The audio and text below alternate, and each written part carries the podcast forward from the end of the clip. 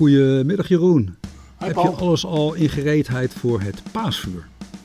Eh, nee, ehm, die traditie kennen we hier waar ik zit in Zeeland niet zo. Er is wel een gezellige paasmarkt aanstaande maandag in Breskens. Komt allen. Maar ehm, nee, geen paasvuren. Er is ook geen verbod op paasvuren zoals bij jullie, toch? Ja, dat valt wel mee. Ik geloof dat het bijna overal doorgaat, op één of twee plekken na. Ik weet hier in de buurt van Buurse waar het niet doorgaat. Nou, ze zijn misschien wat kleiner, maar de gezelligheid blijft. Ja, je moet ook niet eh, te ver gaan met verbieden. Het heeft natuurlijk met stikstof te maken. Denk ook aan, die, aan het nieuwjaarsvuur in Den Haag. Wat destijds eh, volledig uit de klauw liep omdat het een inlandige wind was. Eh, aan de andere kant verbieden, ja. Er is hier ruimte genoeg, hè? Dan krijg je overal kleine vuurtjes. Nou, dat is goed, dat is goed voor eh, de gemeenschapszin. Of zoals ze dat in Friesland noemen, meanskip. Eh, laten mensen ook gewoon hun fikkie stoken. Want anders komt weer het vuur van het protest. Is trouwens. Paul, ehm, iets anders. Eh, heb jij je hek gecheckt deze week? Ja, ja, ik heb wel even een mailtje naar de politie gestuurd, maar ja, het was Je moest zo'n zo'n eh, eh, check your hack button knop induwen en dan zou je een mail krijgen als inderdaad er een hack was geconstateerd. En ehm, Ja, maar weet je zeker dat het wel de goede mail was die je hebt eh, beantwoord, joh? Dat je niet per ongeluk op een knop hebt gedrukt waarbij... maar je hackers activeert. Je weet wel. activeert. Precies.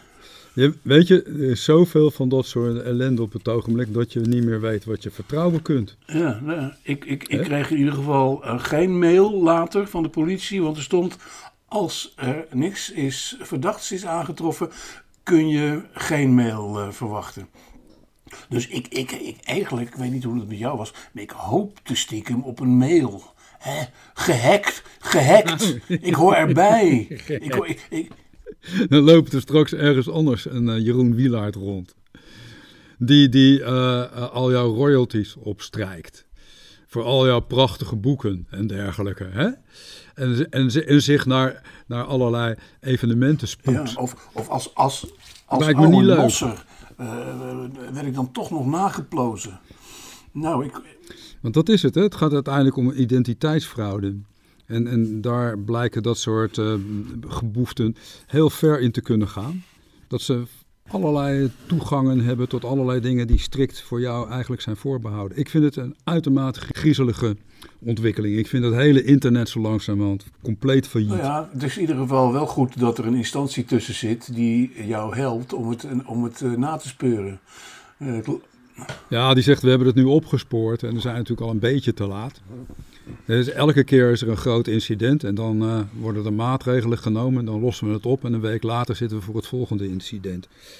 Het is niet oké. nee, Wat ik al eerder eh, heb verteld, hè, wat je moet doen tegenwoordig om eh, belastingaangifte te doen. Je bent al een half uur bezig met paswoorden, nummertjes en weet ik wat allemaal. Wat een onzin zeg. Vroeger hoefde je alleen maar je handtekening te zetten, klaar. voor de rest, ja, ze hebben het natuurlijk ook eh, over artificiële intelligentie tegenwoordig. Hè?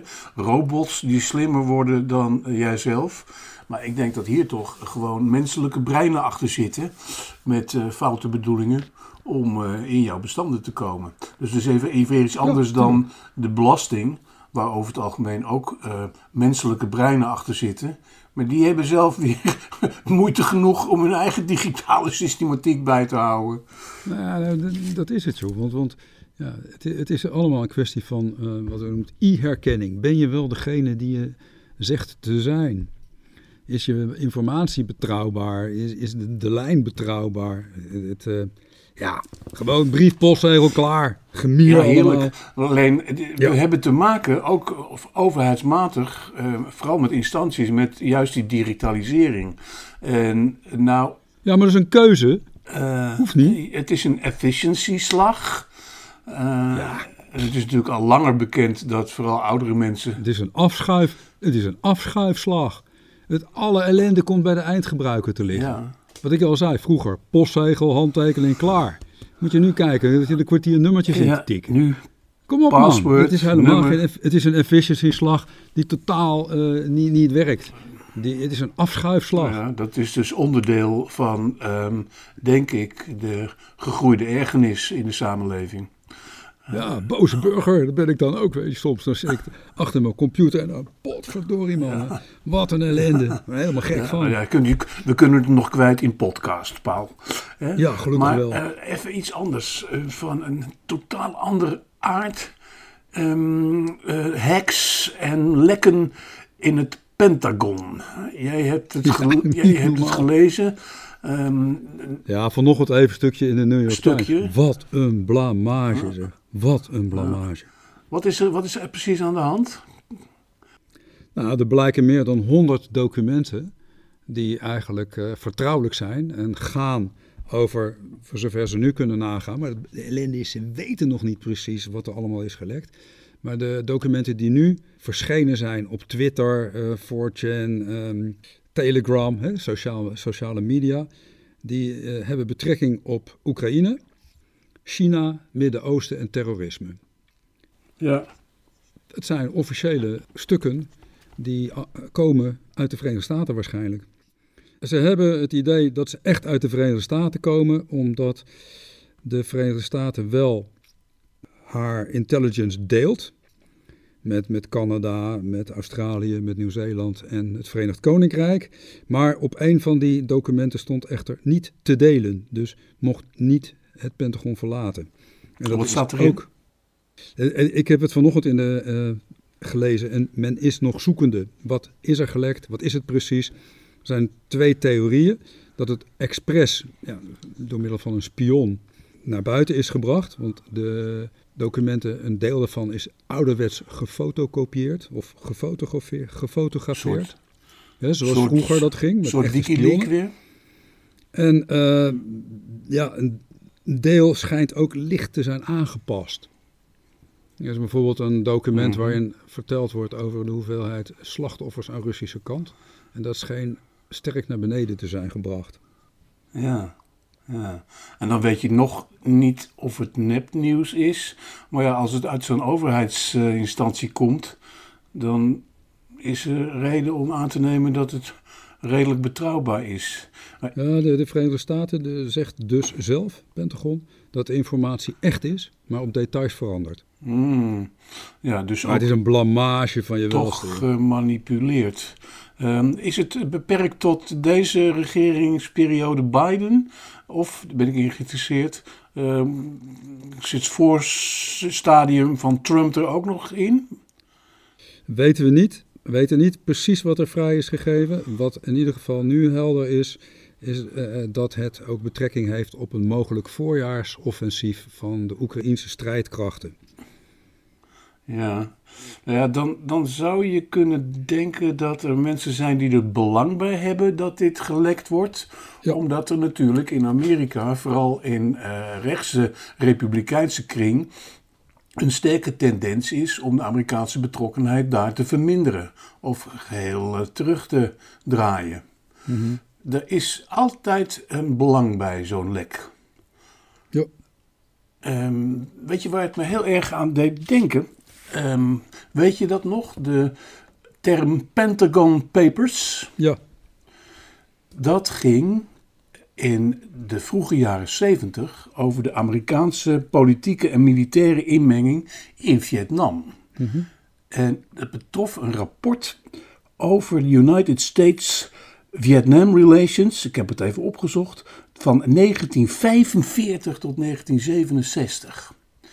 Ehm, er zat een defensiespecialist betrokken bij de denktank die daarmee bezig was, Daniel Ellsberg. En die heeft de documenten gelekt aan een reporter Neil Sheehan van de New York Times.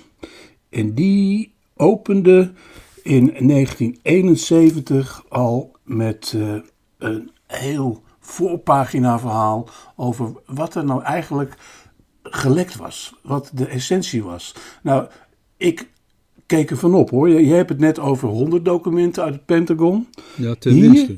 Ja, hier, ging het, hier ging het, Paul, nagezocht, over 3000 bladzijden analyse over de situatie in Vietnam en 4000 documenten. Het hele pak kwam uiteindelijk ook terecht bij de Washington Post van uh, hoofdredacteur Ben Bradley. Ken je ook wel, denk ik nog, hè? uit de, de, de, de latere Watergate-schandalen. Het, het, frappante is, want jij hebt het nu net over de socials, die hier in het recente geval een belangrijke rol spelen. Maar toen ging het dus gewoon over, uh, nou niet eens een spion, maar een betrokken specialist die zich zorgen maakte. En dat doorgaf aan zulke ouderwetse media als papieren kranten. Mm de onthulling was onthutsend. Uh, het kwam erop neer dat de regering Johnson stelselmatig had gelogen over het ingrijpen in Vietnam. En niet alleen tegen het volk, maar zelfs tegen het congres. Uh, dat ging over de nou ja, tamelijk illegale uitbreiding van bombardementen op Cambodja en Laos. En marine ingrepen in Vietnam die nooit het nieuws hebben gehaald. Ik meen me te herinneren, maar dus vroeg me af of jij dat ook nog wist, dat dat onderdeel is geworden van het uh, langzame einde onder Nixon en Kissinger van dat conflict in Vietnam. Nee, dat, hebben, dat weet ik niet. Ik weet wel dat, dat uh, Amerika er in die tijd gewoon niet in slaagde om die oorlog te winnen. Die guerrilla die was zo sterk, die werd zo goed gevoerd. De Noord-Vietnamezen die waren zo fanatiek daarin. De, de, Amerikanen maakten geen vorderingen meer. En ook de pers heeft daar wel zeker een rol in gespeeld. Dat er steeds meer naar buiten kwam over mogelijke oorlogsmisdaden begaan door Verenigde Staten.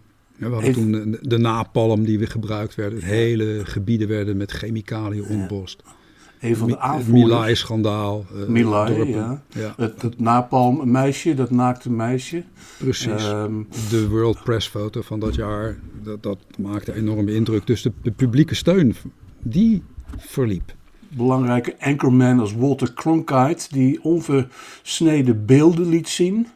Um, onthullingen van Michael Hur, een, een journalist. Ja, teruggekeerde, getraumatiseerde militairen die, die, aan het, die aan het praten sloegen. Het, het, was, op een gegeven moment er was geen enkele politieke steun meer. Grote demonstraties. Ja, dat, dat kan natuurlijk in een democratie, hè? Grote demonstraties tegen de oorlog. Johnson moordenaar in Nederland. Ja, Johnson, zeker. Dus, dus, as we speak... Eh, dat zou in Moskou moeten gebeuren. Ja, nou ja, daar hebben we misschien zo meteen nog wel over. Uh, er zitten wat mij betreft toch een paar parallellen in. Want je hebt het over die sterke Vietnamese guerrilla. En het doet me enigszins, um, zonder, zonder dat het nou helemaal vergelijkbaar is, denken aan de onverschrokkenheid van de mensen in Oekraïne. Tegen wat destijds ook uh, gezien werd als een wereldmacht. Amerikaanse B-52-bommenwerpers die eindeloos um, rimboes plat gooide. Mhm. En um, iets anders was dat Vietnam sindsdien geldt als symbolisch voor een hopeloze, niet te winnen strijd. Hoe machtig je ook bent als land. En, en, en, daar zie ik. Afghanistan hebben we ook ja. uh, recent gezien, hè? Precies. Waar de strijd niet te winnen viel. Nou, ik, ik, herinner me Frans Timmermans die aan het begin van de Oekraïne-oorlog zei, uh, met een referentie aan een ander groot historisch evenement, dat Poetin in Oekraïne zijn Waterloo zou vinden. Ja, ja dat, dat kan ook nog. Ja, voorlopig is het nog niet zover. Wat uh, is het laatste wat jij, um, want je bent zeer bedreven in het lezen van die Russische pers, eh, andere antennes. Wat je nu uh, een beetje ziet, en dat wordt door die lekkage van documenten ook wel bevestigd, is dat er gewacht wordt op een tegenaanval van Oekraïne. Waarbij Oekraïne met het materieel wat ze inmiddels deels hebben gekregen, uh, gekocht, ook deels van westerse landen, een aanval gaan doen op Russische stellingen in bezet gebied. En, Ze zijn getraind. En waar nu de meeste aandacht voor is, is dat die aanval plaats zal vinden eind april. Dat wordt genoemd in die gelekte documenten. En dat die gaat plaatsvinden in de Donbass, in Luhansk, maar waarschijnlijker in het zuiden. En dan met name Melitopol. Eh, waarom Melitopol? Het is een hele belangrijke verbindingsweg ligt daaraan naar de Krim. De Krim hebben we de, de grote luchtmachtbasis van de Russen, Saki, en de grote vlootbasis van de Russen, Sebastopol. Door de aanval op de Krim in te zetten, zouden de Russen sterk in de verdediging worden gedrongen. En dat zou, en dat, daar zijn ook mogelijke signalen voor, een moment kunnen zijn voor onderhandelingen. Waarbij de inzet zal worden om het oosten terug te geven aan Oekraïne en over de Krim niet meer te praten. Ja. Dat zou dan wel gepaard moeten gaan met hele heldere veiligheidsgaranties voor de Oekraïnse staat. Nou, dat is een beetje waar nu een soort focus op ligt bij de mensen die zich daar heel nadrukkelijk mee bezighouden. Intussen maken de Russen kleine, kleine vorderingen. En is er ook nog vanuit het Russische propaganda steeds aandacht voor dat hele zuiden, hè, waar we eerder steeds op hebben gefocust. dat ze heel graag die hele Zwarte Zee willen beheersen. En dat ze een aansluiting willen maken naar Transnistrië. Het wachten is gewoon op een grote aanval. Het wachten is op een, op, op een verbreding van het conflict. En dat is dus ook best wel griezelig. Ja. Want hoe ver wil men escaleren? Nou, we zullen dus moeten bekijken welk Vietnam of wat voor Waterloo dat wordt. Uh, aanvallen. Nou, ja? ja? het ligt toch wel een beetje anders hoor. Want hier is een veel grotere hoeveelheid landen direct nu bij betrokken. En er staan, staat heel erg veel op het spel. Ja, nou, misschien is het zo dat uh, Xi daar inderdaad uh, bij als Chinese president op bezoek bij Poetin al uh, een voorschot op heeft genomen. Zonder dat wij nou de, de, details van hun besprekingen kennen. Maar de grote Chinees dringt aan, ook in welbegrepen eigenbelang, op een slot van deze oorlog. En in is hij vandaag begonnen met een manoeuvre rondom Taiwan. En hij zegt dat is een driedaagse oefening. Maar dat is natuurlijk niet voor niks. Hij toont, hij toont zijn kracht. Van de week was de, de, de, president van Taiwan op bezoek in Amerika. En hij heeft daar ook in niet mis te verstaande woorden op geantwoord.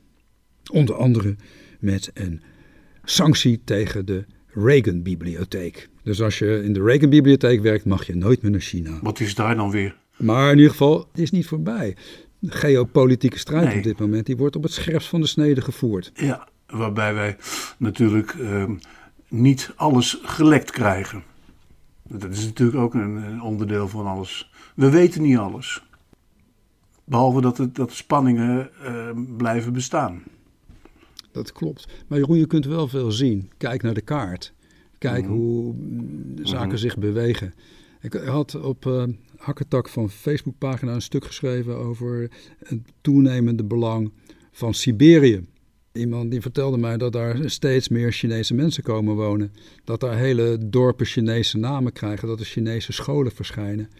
En dat is ook een onderdeel van geopolitiek. En daar blijkt dan ook door een Russische adviseur van Poetin weer op gereageerd te zijn. Die dan zegt van, ja Rusland, denk eraan, zorg dat je het belang van Siberië ook zelf onderkent. Dat je zorgt dat het Russisch blijft. En dan zegt hij, ja, dat is een prachtige plek. Daar moeten meer Russen gaan wonen. Stalin heeft geprobeerd om dat te bevolken met Russen. Dat, die mensen zijn er allemaal weer weggetrokken omdat het een heel slecht klimaat is. Nou, zegt iemand, die adviseur, dat is er nu voorbij, want we hebben gelukkig de klimaatverandering. Dus binnenkort zitten we daar heerlijk onder de uh, amandelbomen. Ja, zo, uh, zo gaat het hard hoor. Als je heel voorzichtig kijkt eh, dat, wat er op dit moment allemaal verandert en hoe machten aan de ene kant tanen en aan de andere kant stijgen. Jeroen, het is een spannende tijd. Ja, maar China doet het op, op, op hun manier, hè? niet militair. Ja, nog niet militair. Met, maar met blijkbaar dit soort landverhuizers-expansie. Ja, precies. Maar nog niet militair. Want hoe lang gaat dat duren? Kijk, China, als je ziet hoeveel China in zijn militaire kracht investeert, dat is gigantisch. Daar wordt een enorm leger opgebouwd en gedisciplineerd hoor. Ja, ja, nou, ja ik, ik twijfel. Ik uh, ben blijf geneigd om uh, op die redeneertrand te zitten en ook op wat ik zie al jaren, tot in Afrika toe, hoe China de wereld verovert middels hè, niet zo die nieuwe zijderoute, maar ook met allerlei expertise en inzet van discipline, ook weer op economisch niveau, om op die manier de wereld langzaam te annexeren. Hoe zal het gaan met Taiwan, Jeroen? Wat denk je? Zou dat worden ingenomen zonder enige militaire kracht? Zou dat worden uitonderhandeld? Ik denk het wel. Hm, ik, ik, twijfel daaraan. Ik ook. Ik heb, ik heb, ik heb geen idee. Uh, over aanvallen gesproken, laten we even weer naar ons eigen landje terugkeren. Uh, de coalitie was afgelopen woensdag zo sterk dat ze eerst even bij Atje Kuiken in het hok gingen samenzitten. Om vooral elkaar niet af te vallen. De hele oppositie heeft een motie van wantrouwen gesteund. Als oppositie één blok vormen was het. Ja. Maar die motie van wantrouwen schoot tekort. Uh, een, paar, Natuurlijk. een paar typische, een paar typische uh, voorbeelden van um, toch redelijk sterke analyse of taal. Was bijvoorbeeld wat Pieter Omtzigt zei. Uh, jullie rijden weliswaar in dienstauto's, maar jullie hebben niet de macht. Jullie regeren niet. Nou, dat vond ik wel een sterke. Um, maar met alle andere aanvallen van dien is er voorlopig helemaal niets veranderd. Nee, de, de coalitiepartijen willen op dit moment geen verkiezingen. Dus die hadden voor die tijd de rijen gesloten. En dan weet je dat zo'n uh, Kamerdebat min of meer een rituele dans is. Dit... Met als enige winst dat je ziet dat de oppositie van links en rechts uh, zich aaneensluit om dit kabinet uh, weg te krijgen. Die ruiken allemaal uh, verkiezingsoverwinningen. Nog een aardige opmerking vond ik was van Dassen, van Volt. Die had het over paradoxpolarisatie. Aan de ene kant de boel, de boel willen laten, vooral de vrede bewaren. En daarin ontstaat dan juist toch polarisatie. Mensen tegen elkaar opjutten, zei hij, is de oorzaak van de groei van BBB. Vond ik ook wel weer een sterkte. Vond wel een sterke. Een kabinet dus dat uh, door dit soort beleid, wat uh, door Caroline van der Plas uh, ook wel heel goed werd uh, doorgesneden. Stikstofbeleid staat voor haar voor alles wat er mis is. Dus ook het minachten van Groningers, het uh, sterk achteruitgaan van allerlei buurtvoorzieningen buiten de Randstad. maar het, het, het, is dus inderdaad zo, en daar had Rutte en consorten ook geen antwoord op, dat in wezen de Haagse politiek de enorme groei van BBB heeft veroorzaakt. En ook daarom zijn ze natuurlijk op dit moment heel erg beducht voor verkiezingen. Een meerderheid van BBB in de Tweede Kamer, of een grote groei van BBB in de Tweede Kamer. Zie je dat gebeuren? Ja, voor mij ligt er een heel groot probleem binnen het kabinet zelf. En met name met het optreden van uh, minister Hoekstra. -hmm. Het oplossen van het stikstofprobleem. Eigenlijk hebben we geen stikstofprobleem, maar een natuurprobleem. Maar dat is heel erg sterk aan elkaar gelieerd. Dat heeft geleid tot een coalitieakkoord. En daar is Hoekstra gewoon onderdeel van. Nou is Hoekstra minister. En ministers die horen te spreken namens het kabinet. Maar Hoekstra gedraagt zich veel meer als een fractievoorzitter. Neemt afstand van het kabinetsbeleid. Ja, dat kan natuurlijk helemaal niet. En ik verbaas me elke keer weer over de man. Je ziet op dit moment een hele zwakke Tweede Kamerfractie van het CDA. Dit beleid moet worden beoordeeld, gekeurd uh, en eventueel afgekeurd door Tweede Kamerfracties. En niet door, door, door een minister zelf. Dat is natuurlijk heel raar. In een andere situatie, in een andere tijd was dit kabinet onmiddellijk gevallen. Ja. Herinner je nog de vrij populaire CDA-politica uit uh, uit Urk volgens mij. Uh, hoe heet die mevrouw ook alweer, weet je nog? Uh, die was ook minister. Die nam afstand van het coronabeleid. En die kon onmiddellijk vertrekken. Niet Urk, uh, Volendam, Mona Keizer. Ja, Mona Keizer, Mona Keizer. precies. Mona ja, Keizer, kon onmiddellijk vertrekken. Nou, we hebben dat... eerder in de geschiedenis meegemaakt dat daar waar kabinetten het onderling niet meer eens werden, dat het door de Tweede Kamer werd beslecht. Vanuit eigen partijen. Dat, dat, gebeurt dus nu dat lesje hebben ze dat lesje hebben ze natuurlijk wel geleerd bij christendemocraten. Ja, maar het is dus, democratisch uh, bestel. Dus het moet ook democratisch werken. En dan kom ik terug bij Pieter Omzicht, die je net noemt. Tegenmacht ontbreekt. Ja, in ieder geval onvoldoende om ze te laten vallen. Ja, absoluut. Ja, nee, dat is een Tweede Kamer kwestie. Je ziet nu dat Tweede Kamer niets anders doet dan kabinet verdedigen.